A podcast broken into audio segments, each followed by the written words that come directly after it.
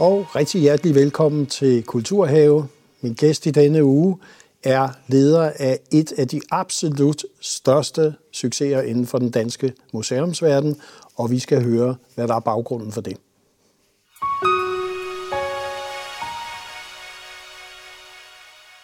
Og velkommen til dig, leder af Tirpitz Museet, Helle Ølgaard. Tak. Og øh, når jeg siger, at det er en af de største succeser, så er det det vel også. Vi må sige, det er i hvert fald noget, der er på alles læber. Øh, der blev skabt et af de syv museer, Vardemuseerne, en rå betonbunker fra 2. verdenskrig, og så lige pludselig skete der noget. Så, så hvad, har, hvad er grunden? Hvad er baggrunden? Jamen, øh, baggrunden er selvfølgelig rigtig, rigtig mange års øh, arbejde, øh, der ligger til, til grund for det. Øh, og, øh, og så er det jo mundet ud i hele det her nye øh, Big arkitekttegnet museum, der ligger i forbindelse med, med den bunker, hvor vi allerede havde et museum ude i, øh, i forvejen. Øhm, og det er jo et, som du selv siger, så det er jo en succes, som vi selv er blevet rigtig overrasket over, at det er gået meget bedre, end vi nogensinde havde tur håbe på.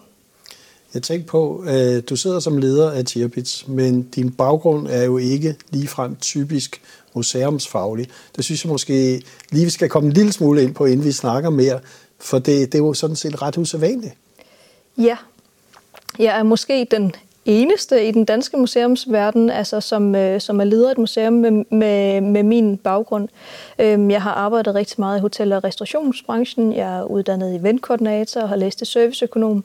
Øhm, har blandt andet været hos øh, EFB, øh, Esbjergs øh, øh, Superliga-hold. Øhm, så jeg kommer fra en meget mere kommersiel verden. Øh, man kan sige, når har man arbejdet med sport, så ved man også, at, at der er noget med gode oplevelser, der er noget med følelser.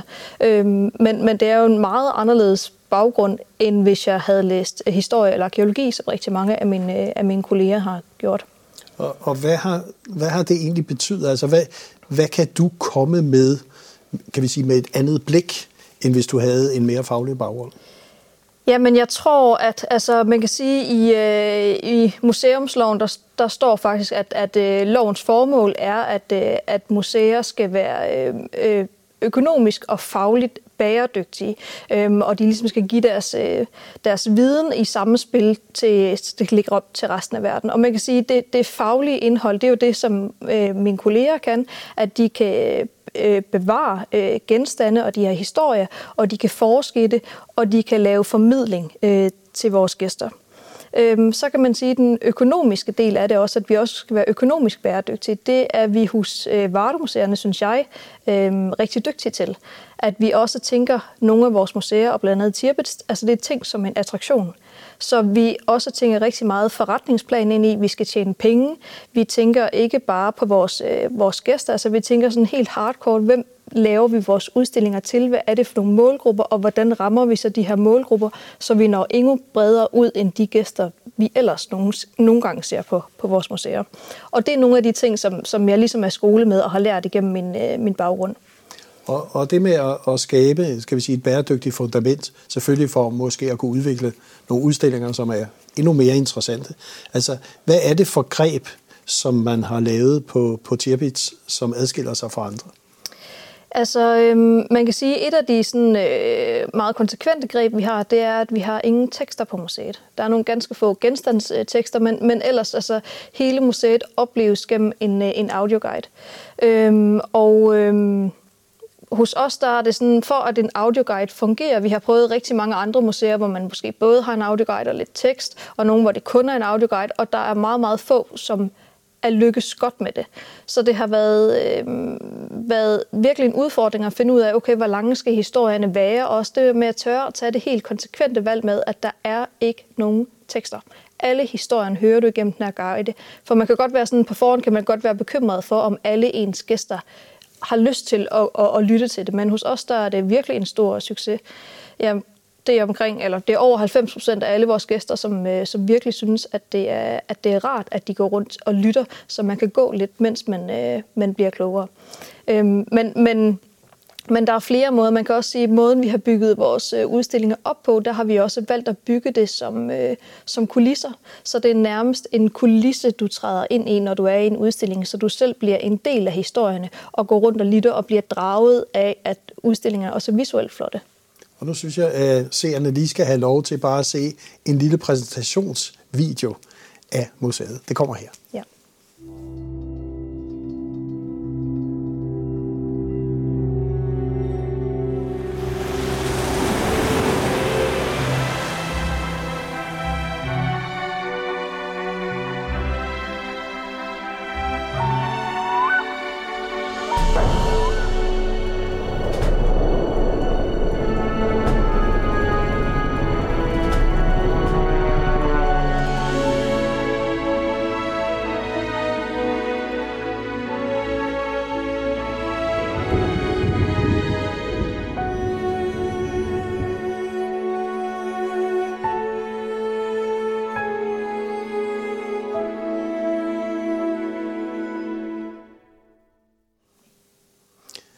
Ja, man, man får jo her også et lille indtryk af, hvordan museet egentlig er, selve arkitekturen ligesom er blevet inkorporeret i selve naturen.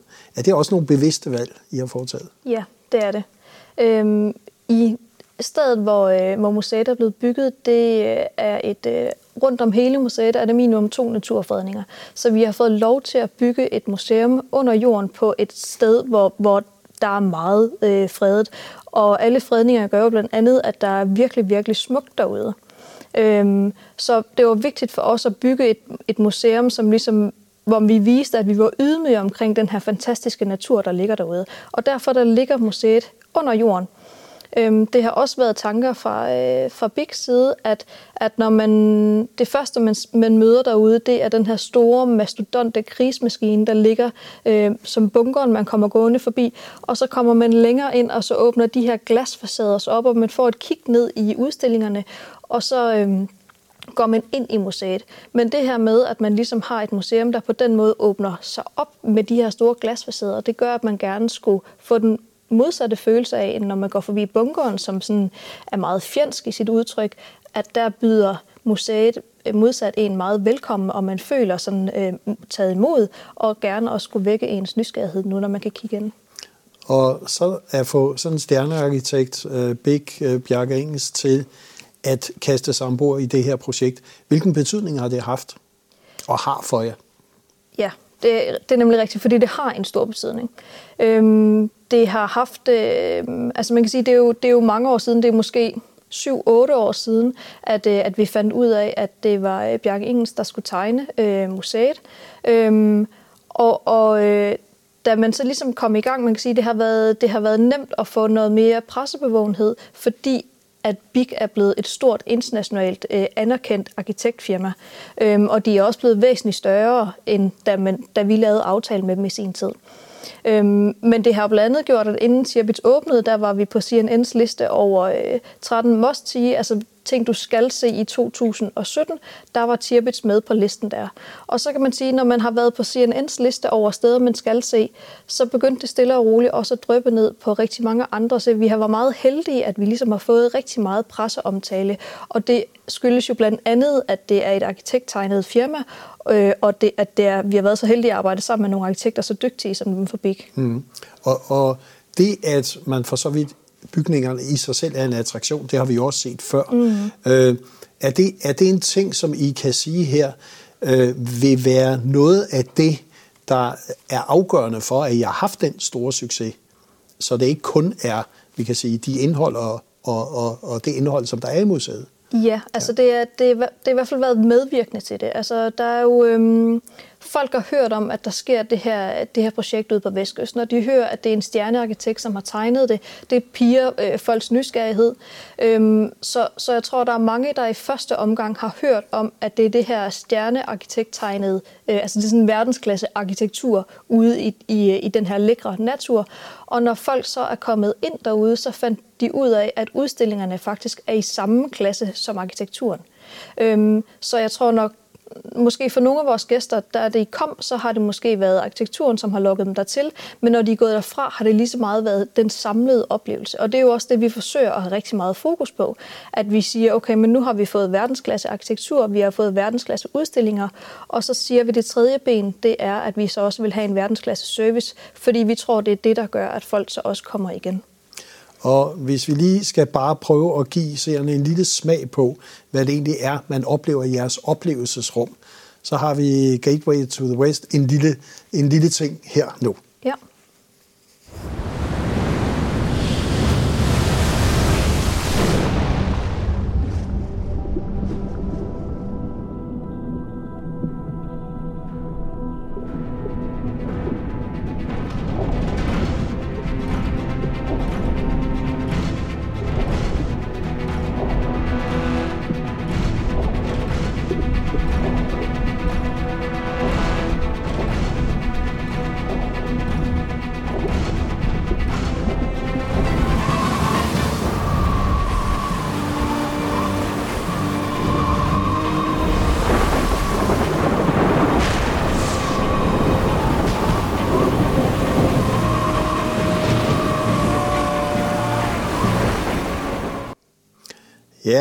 Ølgaard, det, det oplevelsesrum, vi ser her, er jo ikke, vil jeg sige, sådan, det man forestiller sig med et museum. Nej. Øh, den teknologi og den indsats, de visioner, der har været bagved egentlig at, at få den form for formidling, hvor vi kan jo se, at, at publikum er en del af selve oplevelsen. Øh, hvor stor, kan vi sige, en, et arbejde, men også økonomi har der egentlig været i det? Der har været et meget stort arbejde i det. Altså hvis vi tager øh, arbejdsdelen først, så kan man sige, for os, det er jo heller ikke sådan, at Vardemuseerne altid har lavet museer. Mm. Øhm, Tirpitz er helt klart vores, øh, vores fyrtårn, det er vores største museum, og det er det sted, hvor vi virkelig har investeret rigtig meget tid og kræfter. Vi øhm, besluttede, at man gerne vil lave et museum, som ikke er de, til de museumsvandte gæster. Så mm. den arbejdsgruppe, der har arbejdet med Tirbits, som, som øh, næsten alle sammen havde en historisk eller arkeologisk baggrund, havde et, et motto, der hed We are not the visitors. Altså, vi laver ikke et museum til os selv eller andre øh, af vores øh, øh, tidligere studiekammerater, altså andre, som har den samme faglige baggrund, som vi selv har. Vi laver det til dem, som ikke normalvis øh, måske føler sig velkomne på museum, eller synes, at et museum kan være lidt gråt og lidt støvet og kedeligt. Og når man har taget den beslutning, så kræver det jo så, at man bliver rigtig skarp på, okay, hvad skal der så til for at få de her målgrupper ind på museet? Og der kan man sige, at vi vidste jo rigtig meget om, hvad er det allerede for nogle gæster, som besøgte vores øh, daværende museer, men vi vidste jo ikke noget om alle dem, som så ikke var hos os. Så der har vi jo været ude og spørge dem, hvad skal der egentlig til for, at de gerne vil komme ind øh, og se et museum. Og de vil gerne have en social oplevelse, som øh, gerne skal kunne være noget for hele familien. Og så har vi ligesom tænkt Tirpitz ind som en, det, vi er et museum, men vi har tænkt os ind som en attraktion. Og når man siger, at vi gerne vil lave et, øh, et museum for dem, som ikke er vant til at gå på museum, og man heller ikke er bange for at lave en attraktion ude i et område med rigtig mange turister, så kræver det også, at man ligesom tager nogle helt andre greb. Så altså, konkret så har udstillingerne, vi åbnede med, har kostet 45 millioner at lave, og der er rigtig meget teknik øh, inde i Tierbits. Altså da vi åbnede, var vi sådan de førende inden for alt det AV og teknik, vi havde puttet ind i museet, men det er for at understøtte oplevelsen, der skal være det. Vi har det ikke for teknikkens skyld. Det skal ligesom være der for, at det kan løfte øh, oplevelsen, som vores gæster får, sådan så man får en total oplevelse. Og man kan sige, det eksempel, vi lige så her med showet, det er et show, som, som lader dig overraske. Så det kommer to gange i timen, øhm, så du kan nyde det midt imellem de øh, historier, som du ellers er i gang med at gå rundt og lytte til. Og, og jeg tænkte, at vi, jeg synes lige, vi skal lige se en lille ekstra klip fra, fra det her oplevelsesrum, fordi det, det er jo rigtig fascinerende også at høre hele det arbejde og den investering, der har været i at kunne give en sådan oplevelse, som vi ser her. Så der kommer lige et klip til. Mm.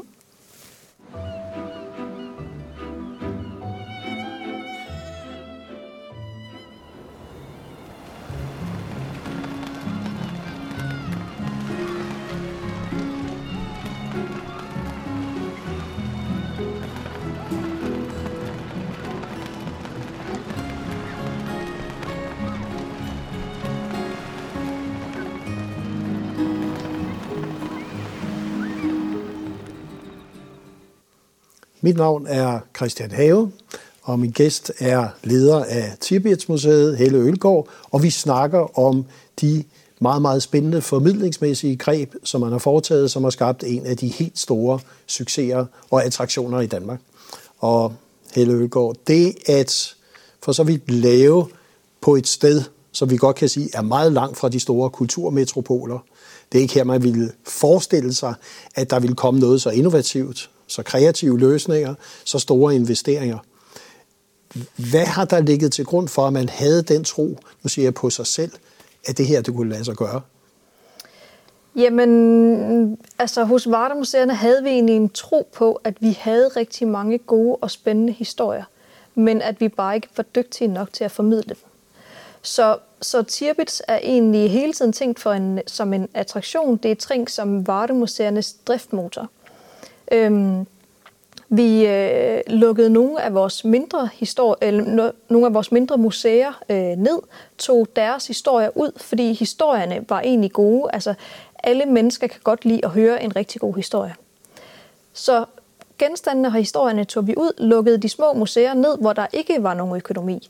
Øhm, og så begyndte vi at tænke, okay, hvordan kan vi så ligesom lave et stort museum, hvor vi kan samle med forskellige udstillinger, så kan vi samle forskellige målgrupper, og vi kan putte nogle af de her gode historier ind igen. Så sammen med professionelle udstillingsdesigner og storyteller har vi alle de her historier ligesom fået sådan syredyb, og lige fået genopfrisket, okay, er de egentlig spændende, fordi du øh, er arkeolog og kender øh, forhistorien til, til, til den her genstand, eller hvad den nåede hen, eller er den også spændende for et helt almindeligt øh, menneske, som ikke normalvis kommer, øh, kommer på museum. Og gennem det her syredøb har vi jo sådan skåret helt ind til benene, hvad er det egentlig for nogle historier, der er de mest øh, spændende, og så fået dem kortet ned, sådan så man heller ikke skal lytte for lang tid. Øhm, og og, øh, og det, det at, at I har den form for at skære ind, altså får de her historier, det jeg synes, der er fascinerende, de lokale historier bliver lige pludselig interessant for mange andre. Det, der er meget site-specific, bliver interessant. Det er, at I ligger, hvor I ligger, hvor man ellers ville sige, der kommer ikke en gæst. Det er lige pludselig det, når man skærer det ind til benet, så bliver det interessant. Og, og det er det, som vel i et eller andet sted har fået ved at se på gæstens perspektiv. Ja. For det, det er jo det, jeg, øh, vi hele tiden ligesom vender tilbage til. Det er at se det fra et andet perspektiv ja. end, end det normale. Ja, ja. det er rigtigt. Ja. Øhm, og, så, og, så, og det er jo nogle beslutninger, vi har taget, fordi ligesom vi havde den tro på, at de her historier, vi har, de er faktisk de er spændende. Folk, der, vi har rigtig mange turister i området, man vil gerne vide noget om det område, man er turist i. Og med den tro har vi jo så skabt Tirpitz, og det er blevet den driftmotor, som, som vi også håbede, det ville blive på for Martemuseerne, så vi tjener penge i Tirpitz, ikke bare for at tjene penge, men vi tjener selvfølgelig penge til at geninvestere i de særudstillinger, der kommer i Tirpitz, men også i vores øvrige museer. Fordi Tirpitz er jo kun et af vores museer, som vi har ved, ved Vardemuseerne. Så, så nu har vi haft mulighed for at opgradere vores andre udstillinger og lave helt nye udstillinger nogle af de andre steder, sådan så vi har mulighed for igen at give vores mange gæster endnu bedre oplevelser. Og så må du også lige fortælle, altså, hvad, hvad er antallet af gæster osv., fordi øh, hvad er det for en økonomi, vi snakker om, som er genereret af Tirbits? Altså, da, inden vi åbnede Tirpitz, så, øh, så håbede vi, at vi kunne få 100.000 gæster om året. 100.000 gæster øh, helt så langt vestpå i Danmark, som man overhovedet kan komme, det er rigtig, rigtig mange. Øhm, da vi havde haft øh, åben i øh, to måneder, kom gæst nummer 100.000. Så vi havde en, øh, en kanon start. Vi var øh, meget forvirret og havde super, super travlt. Øhm, så på det første år havde vi 300.000 gæster. Året efter havde vi 250.000 gæster, og nu ligger det på 100.000 gæster. Så man kan sige, at der er selvfølgelig sådan en champagne-effekt, når man åbner, og den er jo ved at aftage. Og så skal vi finde ud af, hvilket leje øh, ender vi på. Ja, og, og det at skabe en sådan succes, hvad har det så betydet for kommunen, for regionen, for området? Øh, mærker I, at der er en opbakning og en forståelse nu, som er en anden end før I startede projektet her? Ja, vi mærker det både helt lokalt, men vi mærker det også sådan øh, øh, nationalt, at der har altid været utrolig langt fra Blåvand til København, øh, men ikke, altså, eller undskyld, der har altid været utrolig langt fra København til Blåvand, men, men ikke nødvendigvis lige så langt fra, fra Blåvand til København. Og, og nu kan man sige, at der er nogen, der har sagt til os, okay, I har faktisk formået at rykke Blåvand en lille smule tættere på København. Fordi nu sker der ligesom nogle ting ude i området, og der er også andre museer, der åbner. Øh, der har blandt andet været øh, Vadehavscenteret længere nedad, og det med, at vi er flere store attraktioner, som har noget mere at byde ind på, det gør jo, at, at, øh, der, at vi kan tiltrække endnu flere målgrupper øh, på Vestkysten. Og det kan vi mærke, at øh, de lokale butikker, restauratører, hotelejere øh, er rigtig glade for. Varde Kommune er også rigtig glade for, at det ligesom skaber øh, en øget turisme, og det er igen nogle andre målgrupper, man kan tiltrække. Øh, de erhvervsdrivende tjener på det, øhm, og det skaber selvfølgelig alt sammen flere, flere arbejdspladser. Så det er jo rigtig godt for sådan et område, og det er jo en fornøjelse, at man som et museum, som man måske ellers ikke havde troet på for nogle år tilbage, faktisk kan være med til at gøre sådan en positiv ting for udviklingen inden for turisme. Ja, for det interessante er, at vi ser jo på museer og mange andre kulturinstitutioner som en udgift, som vi er nødt til at have, og som der altid bliver diskuteret. Og det, som du fortæller her, det er jo faktisk, at man har kunne vækste et område med kultur. Det er jo lige den modsatte historie. Ja, ja. det er det. Altså, øhm, Bardomuseerne er jo statsstøttet, så vi får selvfølgelig også øh, statsstøtte, og vi får også et kommunalt tilskud, men, men pengene bruger vi ikke i Tirbits. Altså, der er vi igen tilbage til med, at Tirbits er tænkt som en driftmotor. Vi skal tjene penge derude, for at vi kan give til nogle af vores af vores, øh, vores øvrige steder. Ja. Øh, og så kan man sige, at vi har jo andre museer. For eksempel så har vi Jeding Andelsmejeri, som er der hele andelsbevægelsen i Danmark, den, den øh, starter. Og det er et lille bitte sådan 70 kvadratmeter øh, meter hus, hvor, hvor det oprindelige øh, mejeri står der tilbage. Og, og det er jo sådan nogle ting, som dem skal vi jo også øhm, bevare, og vi, skal, og vi skal forske i det, og vi kunne også godt tænke os at lave nyt der, så der skal vi jo geninvestere, men det er jo for eksempel ikke en økonomisk gevinst for os at have, have den bygning lige nu. Så på den måde, så skal man jo tænke, at ens fyrtårne skal gerne kunne generere penge, så de rent faktisk tjener til de andre, men dermed ikke sagt, at, øh, at, man, at vi helt kan undvære støtten. Og hvis vi kigger lidt fremad, så skal der jo altid ske noget nyt, som du siger, fordi man kan ikke hvile på laverbærene. Så der er også et nyt, meget visionært projekt i gang, som også tager fat på et lidt svært tema, flygtningen. Ja. ja. Vi har, altså Tirbus er jo delt, tænkt også som øh, en del af formidlingen på, øh, i Varde Kommune eller på Vestkysten, og øh, vores næste projekt, som du siger, det er øh, Flugt. Et, øh, et øh, museum, som øh, vi håber, vi går i jorden med til, til i sommer, til sommer. Øhm, igen så øh, leger vi med, med Bjarke Engels Group, som, øh, som har tegnet en ny tilbygning. Men vi laver et museum i øh, en tidligere øh, flygtningelejr, som øh, ligger i, øh, i Oksbøl. Øhm, der har boet øh, østtyske flygtninge efter 2. verdenskrig deroppe, og ud fra deres historie om, hvordan vi tog os af de her østtyske flygtninge, så kommer vi til at drage paralleller til flygtninge øh, før, altså før tiden, men også op i nutid. Fordi hvis man kigger på personhistorien, vi kommer til at arbejde rigtig meget med personhistorien, ligesom vi gør i Tirbits, så er det en, rigtig mange af de samme parametre. så det er mange af de samme ting, som flygtninge de fortæller, der går igen, uanset hvad det er, de er flygtet fra. Og jeg synes lige, vi skal se et lille klip på, hvad det er, vi kan glæde os til snart. Kommer her. I Oksbøl i Vestjylland er vi netop nu ved at skabe flugt. Refugee Museum of Denmark. Et internationalt museum om flugt og flygtninge.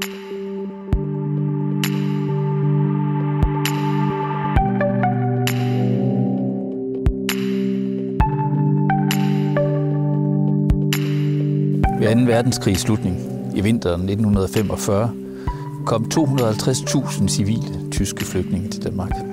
Det er den største mængde flygtninge, vi nogensinde har modtaget i Danmark. Og her i Oksbøl lå den største flygtningelejr, der nogensinde har været i Danmark. Bygningen bag os er det lazaret, som lå i flygtningelejren, hvor de syge og forkommende flygtninge blev behandlet.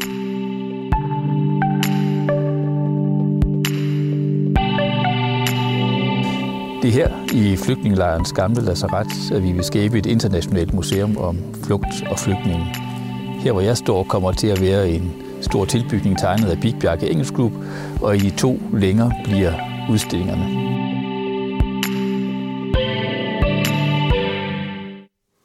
Ja, et projekt, et svært tema igen, men også noget, som vi kan sige er super relevant. Og jeg mener også, at der er kommet en lille donation fra den tyske forbundsregering ja. på et projekt i Danmark. Vi er så, så heldige, at vi har fået 10 øh, millioner fra Tyskland, ligesom vi har fået øh, 10 millioner på den danske finanslov. Øhm, og, øh, og så er der også nogle fonde, der har givet deres tilkendegivelser, så lige nu er vi oppe på, øh, på cirka halvdelen af beløbet, som vi skal bruge. Øhm, og det er jo rigtig stort, og det viser jo også, at der fra tysk side er rigtig stor interesse i, at vi fortæller historien her. Øhm, som vi så i øh, klippet, så øh, laver vi museet i det tidligere lazaret fra, øh, fra lejrens tid. Og tæt derpå, så ligger der også en, øh, en kirkegård, som man også ser derude. Og den dag i dag, så er der rigtig mange øh, øh, tyske familier, som ligesom besøger noget af deres familie, som ligger begravet på, på kirkegården deroppe. Så allerede i dag er der en kæmpestor interesse for øh, området deroppe, og det er et sted, som man ofte kører op og besøger, øh, og hvor man måske går en tur deroppe. Så det med, at vi ligesom kan få folde historierne endnu mere ud ved at lave et museum, men også ved at lave formidling rundt i hele den tidligere lejr, det, øh, det tror vi bliver, bliver rigtig stærkt, selvom det selvfølgelig kan være et svært emne at komme ind på.